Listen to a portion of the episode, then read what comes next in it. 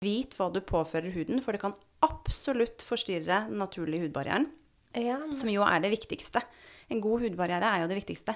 Eh, så, så jeg tenker det er bedre å heller ta litt for lite enn litt for mye.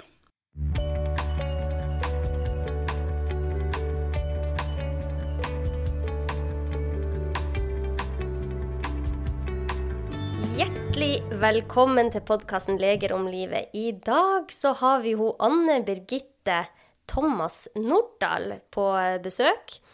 Hun, eh, Anne Birgitte hun har tidligere jobba som overlege ved hudavdelinga på Rikshospitalet, og jobber nå ved Hudklinikken i Oslo. Hun har spesialisert seg på hvordan vi på best mulig måte kan ta vare på huden vår, og er opptatt av at pasientene som kommer til henne, blir tatt på alvor.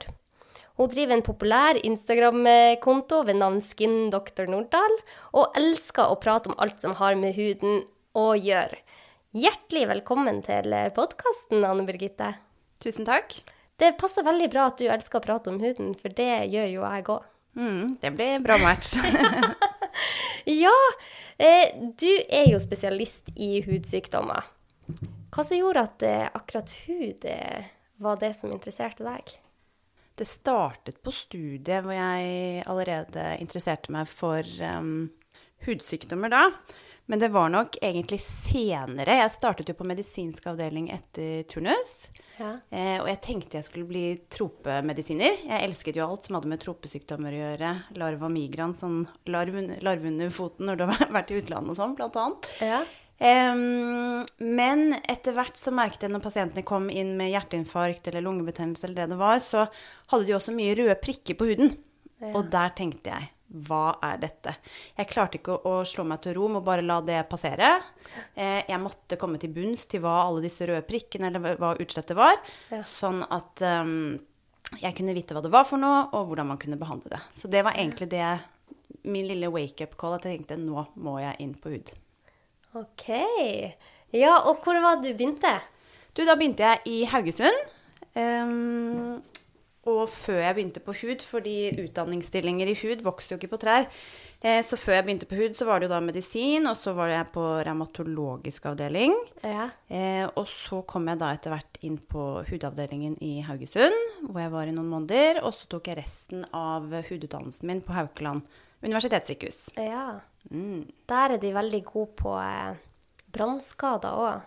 Ja, det er plastikkirurgene ja. som ser på brannskadene, men eh, de alvorlige legemiddelreaksjonene hvor du kan miste deler av hudoverflaten og sånn, legges jo inn der. Ja. Så det var eh, unikt å få, få ta utdannelsen sin på Haukeland. Ja, ja, ja, for jeg husker det på, i Tromsø. Hvis vi hadde disse med de alvorligste hudsykdommene, så eh, sendte vi de til dere. Ja, i dag så skal vi jo snakke om huden. Og det er utrolig mange som har spurt om å ha en episode om huden. Fordi at eh, huden er jo noe som påvirker oss alle. Jeg kjenner jo ikke en eneste person som ikke en eller annen gang har hatt et hudproblem. Om det er myggstikk som klør, eller psoriasis, eller kløende hårbunn, eller eh, ja, hard hud under føttene. Vi alle har jo et eller annet hudproblem en eller annen gang i livet. Og det er jo vanskelig å ta og gå over alle disse hudproblemene, så vi skal snevre det litt inn. Men før vi skal snakke om det, så hadde jeg bare lyst til å si det at jeg har jo òg jobba på hudavdeling i Tromsø, og jeg er snart halvvis spesialist. Og det jeg fant eh, ut av fort etter å ha jobba med de som sliter mest med huden sin, er at jeg ble så takknemlig for å ha en hud som fungerte noenlunde. Så jeg er veldig opptatt av at eh, man skal være takknemlig for, for den huden man har. For om man har noen arr eller noen rynker, så, så viser det bare at du har levd et liv. Og eh, målet er ikke å få plettfri, finest hud her i verden. Målet er å ha en hud som fungerer, og det er det vi skal snakke om i dag. Jeg tenkte vi kunne begynne med dette som heter skin positivity. Det er jo eh, veldig i vinden for tida. Hva er det egentlig, Anne Birgitte? Nei, det er jo som du sier, at det er et eh, jag om eh, perfekt, plettfri hud, til eksempel. Også med mye annet, men særlig det med hud. Og vi eksponeres jo massivt gjennom media og sosiale medier. Om den ene kremen eller det ene kosttilskuddet eller ditt og datt for å oppnå da en perfekt hud. Og man har sett mye eh, sosiale medieprofiler, modeller, influensere med nydelig hud. Ja. Men etter hvert så har man fått litt nok. Og da tilkom det en slags motbevegelse på sosiale medier med hashtag skinpositivity, som eh, skulle være da en motstemme til dette perfekte. Eh, det startet vel sånn ca. i 2015 med noen som viste frem aknehud, og at det var helt greit. Vær glad i deg selv sånn som du er, uansett kviser eller ikke. Og så har det etter hvert spredt seg til da en myriade av forskjellige hudlidelser. Om du har psoriasis, om du har eksem, om du har cellulitter. Og etter hvert også bare helt normal hud. Og normal hud er som du sier, en kvise av og til. Det er litt arr her og der.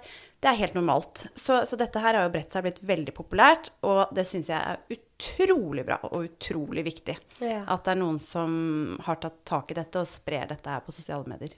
Ja, ja, det er så bra. For at det får en til å skjønne at eh, alle har cellulitter. Absolutt. Alle har en rynke. Alle har Altså, vi alle har våre hudting, som er kjempefint. Ja. Og jeg pleier å si det til pasientene mine. Og hvor heldig du er som har det arret. Det viser at det, det er kun du i verden som har akkurat det arret der. Ja. Men tror du at vi har blitt mer opptatt av det de siste årene, til tross for denne motbevegelsen som skin positivity er? Tror du at de unge som vokser opp i dag, eh, har, eh, er mer opptatt av huden sin enn eh, tidligere generasjoner? Det opplever jeg absolutt. Eh, og det tror jeg også er det med sosiale medier. At uh, unge personer eksponeres jo massivt på TikTok, som nå blir bare større og større. Instagram, eh, Snapchat. Eh, eksponeres massivt for alt som har med hudpleie, såkalte skin hacks, ditt og datt. Eh, og jeg har jo pasienter som kommer på jakt da, etter det perfekte serumet for å gjøre huden plettfri eller vakker. Eller de har vært på Hennes Maurits og kjøpt inn eh, utallige forskjellige serum med aktive ingredienser som du kan få tak i ganske billig nå på ulike utsalgssteder. Ja. Og blander det sammen i en miks og ender da opp med faktisk en ganske ødelagt hudbarriere og til dels eh, ødelagt hud som er litt ute av balanse. Em, og det jeg også ser, er jo at alt dette jaget på plettfri hud kan jo også Det tar mye tid for mange personer. Ikke alle, men det, tar, det er eh, en tidstyv, og folk kan bli veldig opphengt i det. Så det kan gå utover da selvfølelse og selvtillit. Ja, og det er mange flere som sliter med denne hudskammen, som du sa, enn jeg tidligere trodde. Og eh, når jeg fortalte ei god venninne av meg at du skulle være gjest eh, hos meg, så sa hun 'Å, herre min'. Eh, så fortalte hun meg da at hun hadde hatt en hudskam hele livet som hun aldri hadde sagt til meg eller noen andre. Og det gjør at hun ikke tør å gå ut døra, selv om hun bare skal hente posten i postkassa, uten at hun har sminka seg, og gjort huden så fin som mulig. Hun klarer ikke å vise hvordan hennes ekte hud er til noen. Og jeg ble helt eh, overraska, for det, det hadde jeg aldri tenkt over at hun gjorde. Eh, hvordan kan man bli kvitt denne hudskammen? Eh, nei, det er nok en selvbevissthet. Og så er det jo det med sminke. Det er jo veldig mange av oss som sminker oss eh, nesten hver dag. Eh, og da tar vi jo på oss et slags ytre. Eh, og da å vise verden hvordan vi egentlig ser ut, det kan være en bøyg. Eh, noen kan jo si sånn Oi, du så litt syk ut i dag, hvis man ikke har tatt på seg rouge, f.eks.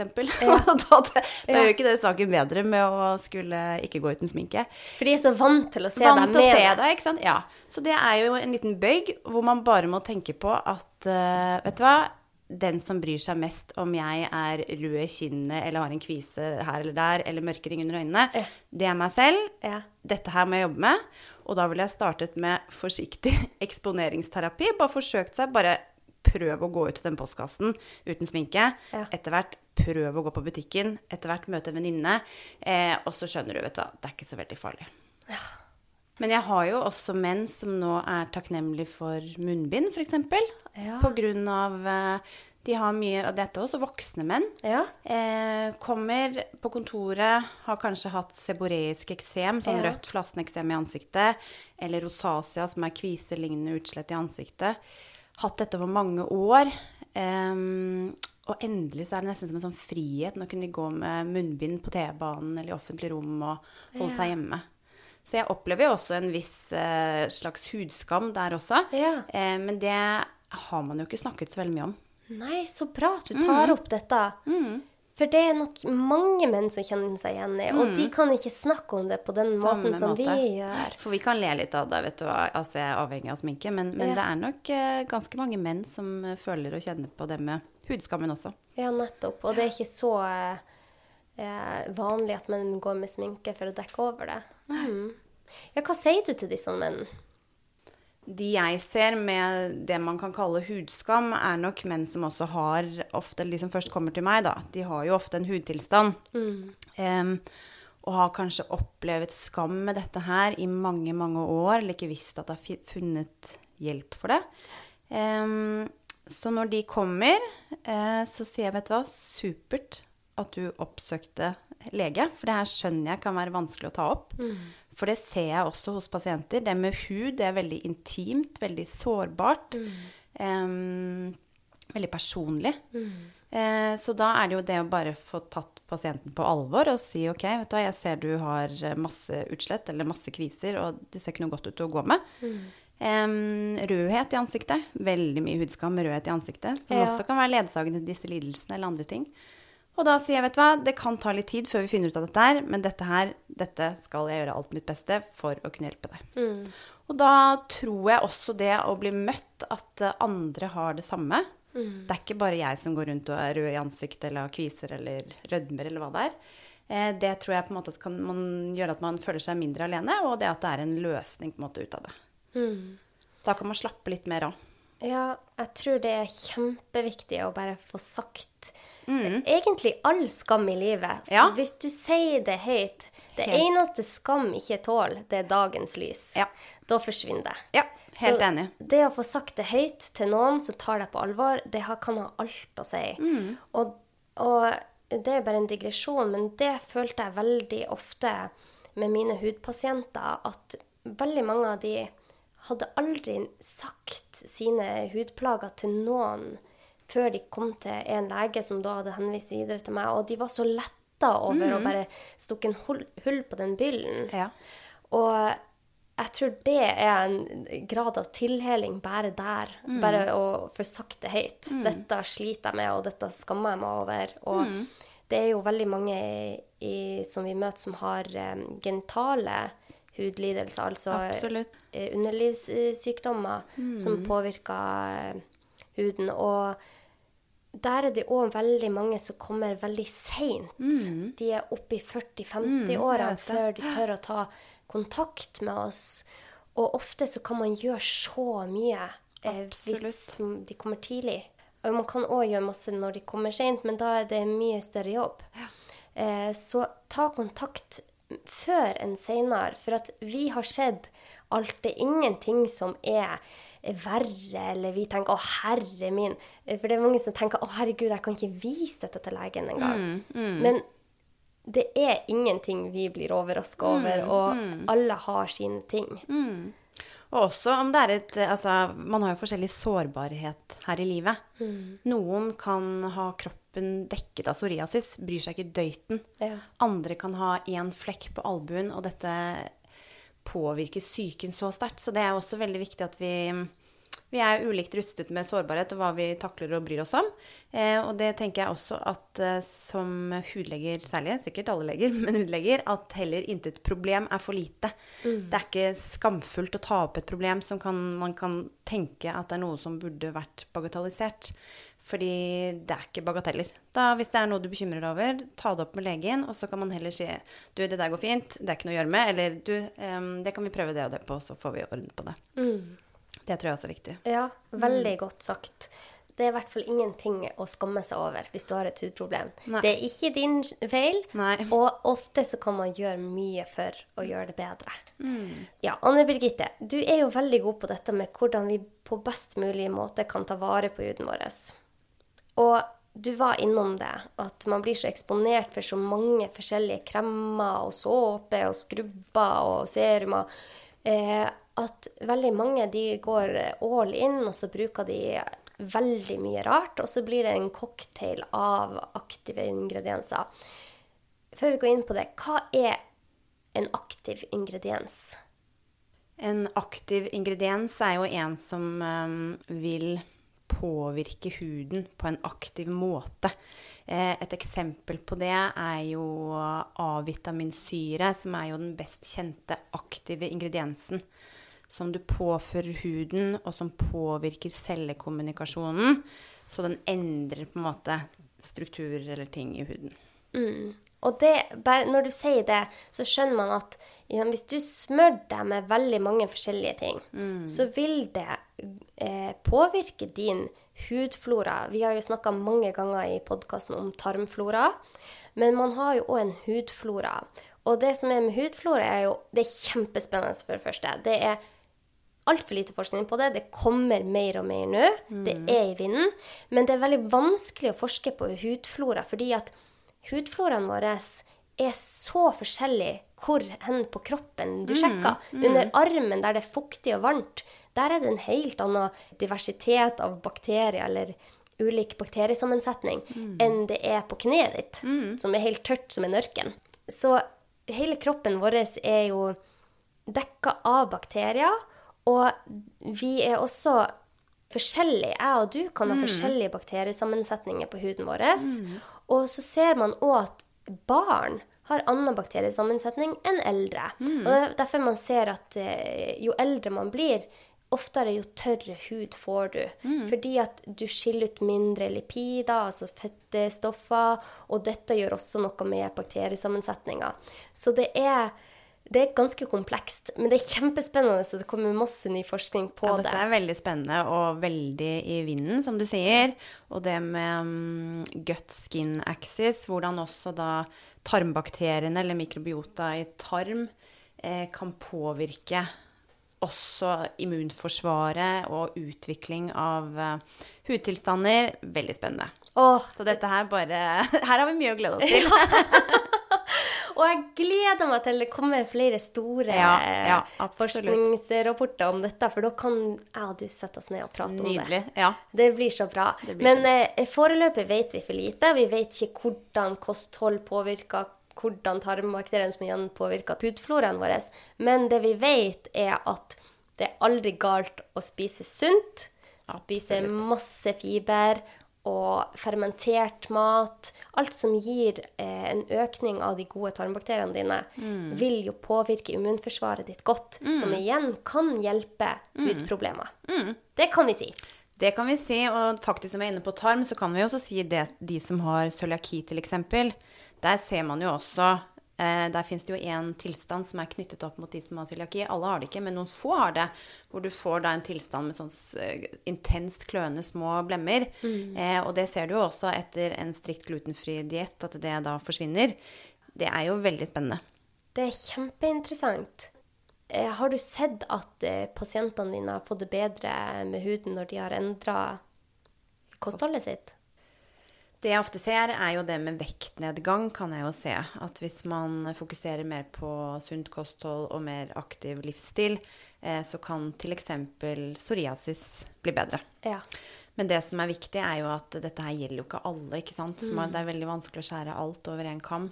Men um, det med kosthold, eh, og et sunt og næringsrikt kosthold, det er jo uten tvil at jeg ser at det har positiv effekt på huden. Mm. Ja. Så da kan man i hvert fall prøve seg fram. Mm. Det er aldri en one size fits all her. Nei, nei. Men eh, det er absolutt verdt å forsøke. Når vi er inne på det Det var jo noen eh, studier som viste at kanskje melkeprodukter kunne bedre akneproblemene.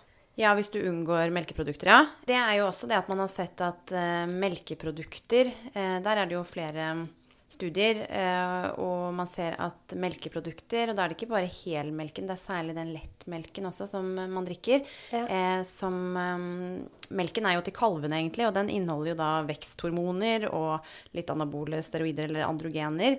Og da tenker man seg at dette her, også når du som menneske drikker melk, så får du også de samme vekstfaktorene og androgenene i deg, som igjen vil påvirke talgkjertlene, så du igjen kan få kviser. Og det samme er også sagt med matvarer med høy glykemisk eh, indeks.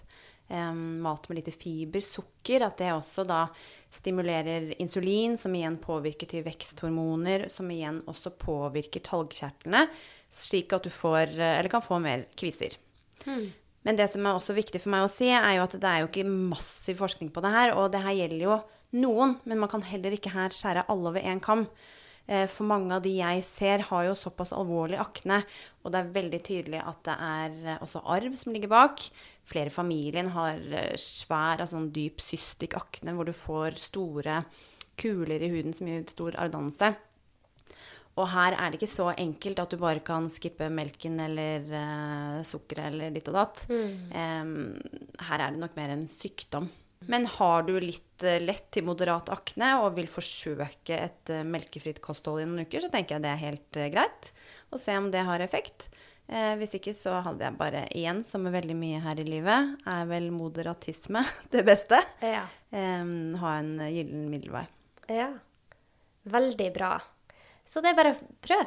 Prøv seg fram. Ja. Jeg har hatt flere pasienter som har blitt kjempebra av å kutte melk, og jeg har hatt mange flere som ikke har hatt noe effekt. Merket noen ting. Så det er veldig individuelt, det her. Så eh, hvis du sliter med akneproblemer, og før det, hvis det ikke er arrdannende akne, så kan man prøve det. Har du akneproblemer som gir arr, så er det mye bedre å behandle det med en gang, for det er vanskelig å behandle arrene.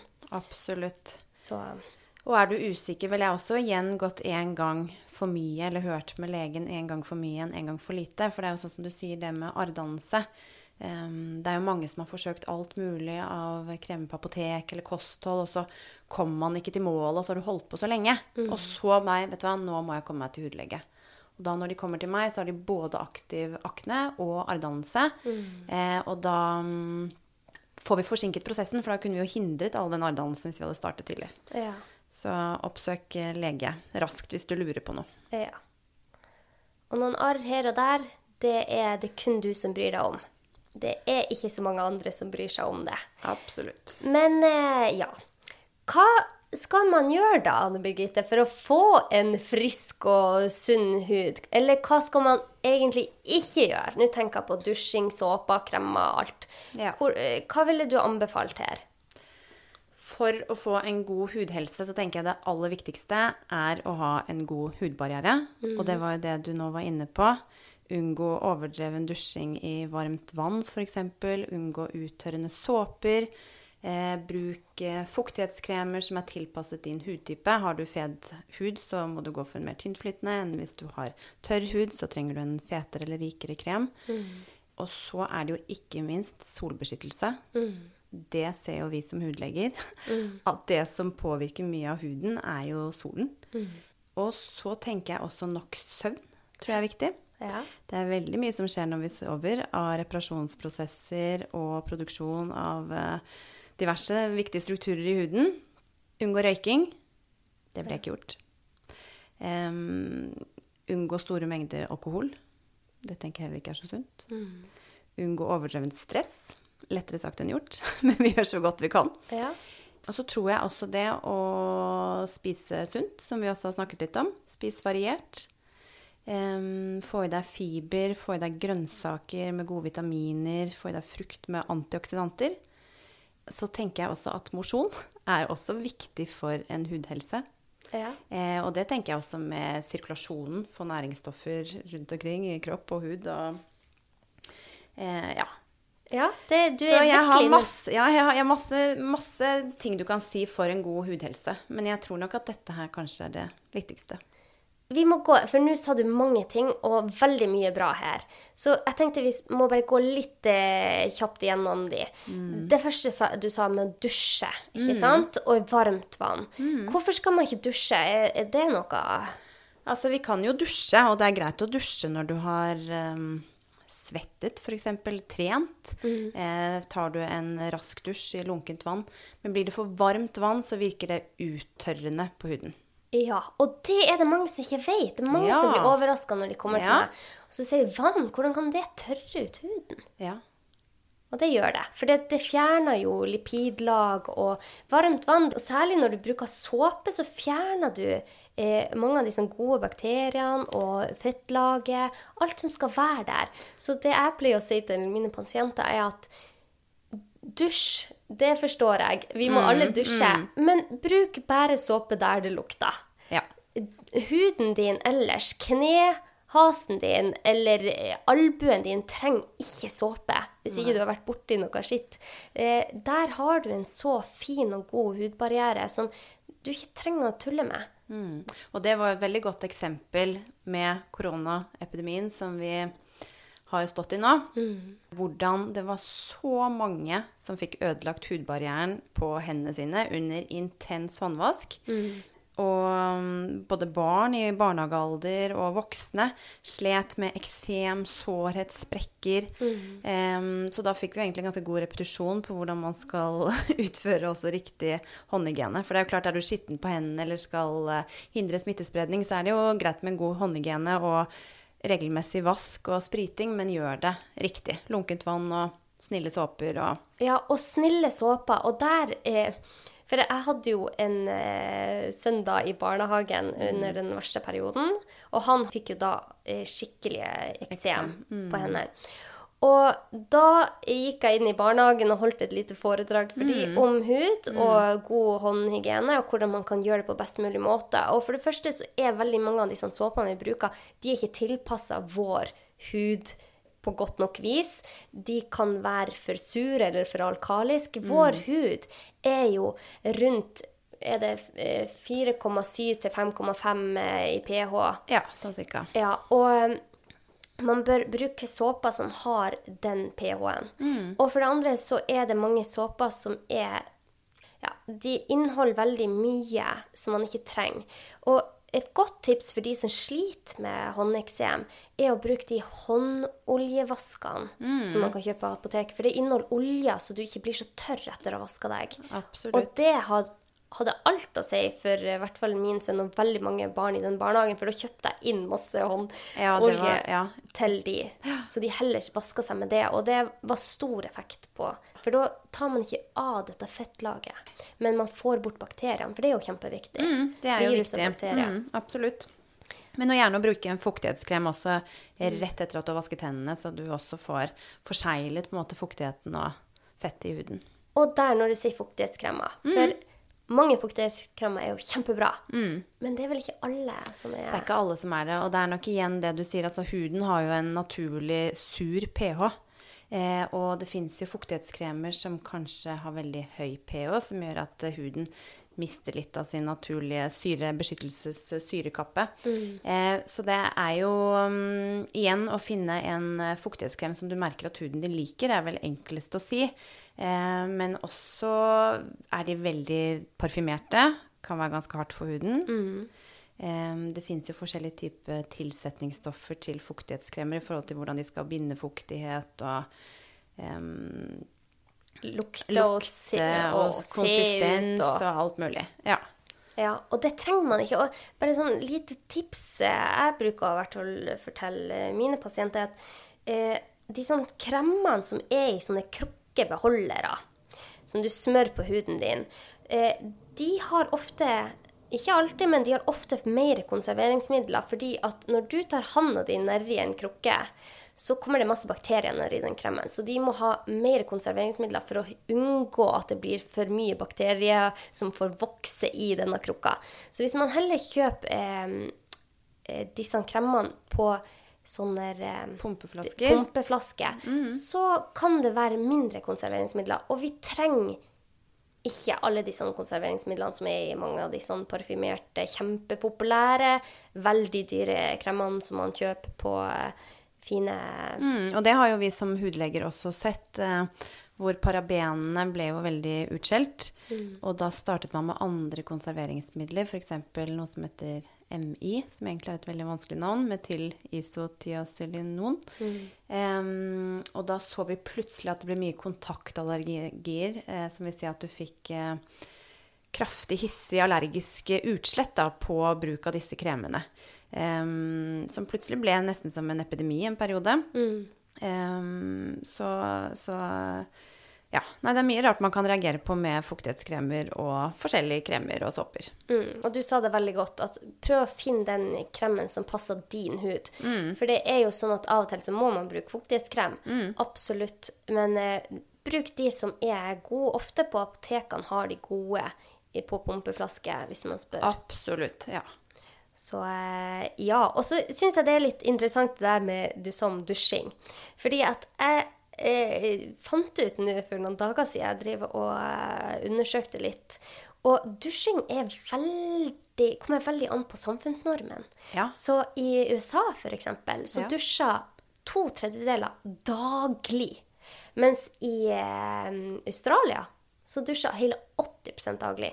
Og så ser man til Kina, Ja. så er det faktisk såpass eh, mange som halvparten som bare dusjer to ganger i uka. Så dette Ja. er jo samfunnsnormen, hva som er, ja. er vanlig. Og jeg husker jeg flyttet til USA da jeg var 16 år. Ja. Og jeg husker jeg vokste opp med tre brødre. Det var alltid masse styr. Så, eh, og mamma var ikke opptatt av at vi skulle dusje hver eneste dag. Eh, så jeg gikk fra å dusje kanskje to dager i uka til å dra til USA. Og der var jo normen, eh, i hvert fall i det huset jeg bodde i, Mm. at man skulle dusje hver dag. Det var uhøflig å ikke gjøre det. Ja. Så jeg begynte jo å dusje hver dag. Ja. Og man skulle sjamp få sjampo i håret og Ja, balsam. Man måtte dusje håret hver eneste morgen før man skulle på skolen. Det var sånn det var. Ja. Og da ble jo min hud og min, mitt hår helt vant til det. Så når jeg kom tilbake til Norge, så var det veldig vanskelig å få ned antall eh, dusjinger i løpet av uka. ja. Du var blitt litt avhengig, du også? Ja, ja, rett og ja, slett. Så det har jeg prøvd sakte, men sikkert, så jeg ikke eh, dusjer håret med sjampo hver dag. Det er ingen grunn til at vi skal gjøre det. Det er bare samfunnet og industrien som har tilrettelagt for det. Absolutt. Har du noe du vil si der? Nei, men jeg er helt enig. Det er jo fint med naturlig fettlag på kroppen. Og jeg tenker det er greit å dusje når man har trent eller er svett. Og bortsett fra det, to til tre ganger i uken er vel egentlig strengt tatt nok. Ja. Jeg dusjer nok eh, litt for ofte selv, Ja. vil jeg Og det tro. blir jo til det. ja. Eh, men eh, kanskje man kan i hvert fall prøve å, å se om man kan klare seg en dag til uten den Det er jo mange som syns det er deilig når det har vært sommerferie, eller man kjenner sånn åh, nei, altså jeg dusjer mye mindre, jeg bader litt av og til, og og så ja, det er litt mindre stress på akkurat det der. Ja, det er helt herlig. Mine gutter på, jeg har jo to gutter på seks og to, de har jo vært nede i havet og, og, og bada. De har nesten ikke dusja i hele sommer. nei. Men du nevnte jo Ja. også stress. Ja, Hvorfor tror du det er ikke så bra for huden? det er jo Dette her påvirker nok da kroppen på veldig mange måter, og ikke bare hud, tror jeg. Eh, men det jeg tenker, er jo det med stresshormonet kortisol. Stresshormonet kortisol som får da mm, oss i en fight or flight-modus. Eh, høyere blodsukker, høyere blodtrykk, eh, eh, økt talgproduksjon. Man ser jo de som har seboreisk eksem, f.eks., eller de som har rosacea, kan jo oppleve skikkelig flare-ups Ja. i forbindelse med stress. Så mm, jeg tror også hvis du er i en mer balanse, og, og noe stress er jo sunt stress, det får vi oss skjerpet. Ja. Hvis du er under konstant stress, så tror jeg at det også påvirker hudhelsen. Det er det er jeg helt enig med deg i, og vi har hatt mange episoder om stress, fordi at stress påvirker hele kroppen. Det påvirker alle organene du har, og huden er jo det største organet vi har. Så eh, det er veldig fint å, å eh, bare nevne det. Og så var det jo trening. Det tror jeg òg er fint for hele kroppen. Det tror jeg også, og det er vel også noe dere tar opp mye i podkasten her. Ja. Men bare det å få hele blodsirkulasjonen i gang, frigjøring av endorfiner, det er jo altså Det gjør oss glad, og det gjør også huden godt. Ja. Og så handler det jo òg om å eh, For jeg har ikke helt trua på det her med å finne balansen. Fordi at vi mennesker vi lever i et samfunn der vi er nødt til Noe må man eh, gi, og noe må man få. Eh, så om du stresser i en periode, eller ikke får trent i en periode, eller sover litt dårligere for du er småbarnsmor eh, mor og far, så tål kroppen det. Eh, det handler om at det ikke skal bli over for lang tid. Så det er veldig mange som stresser over at de stresser. Og det blir jo bare en sånn Ond sirkel. ond Ja. sirkel. Ja. Så gi deg selv litt eh, grace. Hva heter det på norsk? Eh, eh, Litt slack, men det er jo Ja. heller ikke akkurat helt Ja. norsk. Men eh, det er ikke så farlig. Og det Ja. er jo veldig mye det, og det er jeg helt enig også. Det er, Ja. så, det er ikke så farlig om du stresser litt en periode. Ja. Det er ikke så farlig om du sover litt eh, dårlig en periode. Men hvis det er kontinuerlig, så kjenner du til sist, så sier jo kroppen stopp, det klarer jeg ikke. Da merker du det. Altså huden, alt. eh, Du får kviser, du får eh, rødming, du får eh, flasseksem, du får Altså, du, du kjenner at huden har det ikke bra. Og lite søvn også gjør at huden blir lite elastisk. Mørke ringer under øynene. Ja. Det er veldig interessant, det her. Det er en sånn sammenheng med alt. Så eh, ja, hva det var du sa? Alt med Eh, moderat Alt, nei, ja, alt med moderatisme. At du er på en måte moderat i det du gjør. Ja. Og det er jo sånn du skal spise sunt, tenker jeg også. Veldig fint med fiber, grønnsaker, vitaminer. Eh, men eh, om det av og til skeier litt ut, altså det går nok helt fint. Det gjør kanskje at du er litt lykkeligere der og da, smyr deg litt eh, eh, lykkehormoner. Men det er vel da det, altså det er vel i det lange løp, og så lenge du er relativt moderat med det du gjør, så tenker jeg at det går fint. Ja. Så dette syns jeg var veldig mange gode ord. Jeg er veldig glad for at eh, du tar dette opp. Det er en del eh, spørsmål vi får om vitaminer og tilskudd, kollagentilskudd. Hva er det som har vist faktisk hjelp på huden vår? Er det noen av de? Eh, kollagentilskudd er jo veldig populært. Um, og der må jeg jo si som lege at uh, det har jeg nok ikke veldig troen på som en anti-age-effekt på huden. Eh, med tanke på at uh, kollagen er jo et protein som brytes ned til aminosyrer. Og som igjen vil finne veien som byggestener, er også hud og hår, men også til reparasjon av eh, eh, muskel eller lever eller hormoner. Så at de selektivt klarer å gå rett ut i huden, det, det har jeg litt problemer med å, Å se. å se. Eh, men um, det jeg tror der, er at rutiner også gir en ganske sånn Du har kontroll på det du gjør. Rutiner, det også gir en slags velværefølelse og kan eh, være med på at man føler seg også mer vel. Ja. Em, men så er det jo da at kosttilskudd, som det jeg tror på, er jo da tran, omega-3 f.eks. Der tenker jeg da får du deg D-vitamin. Eh, jeg tenker B-vitamintilskudd. Det er bra for eh, hud og hår. ja.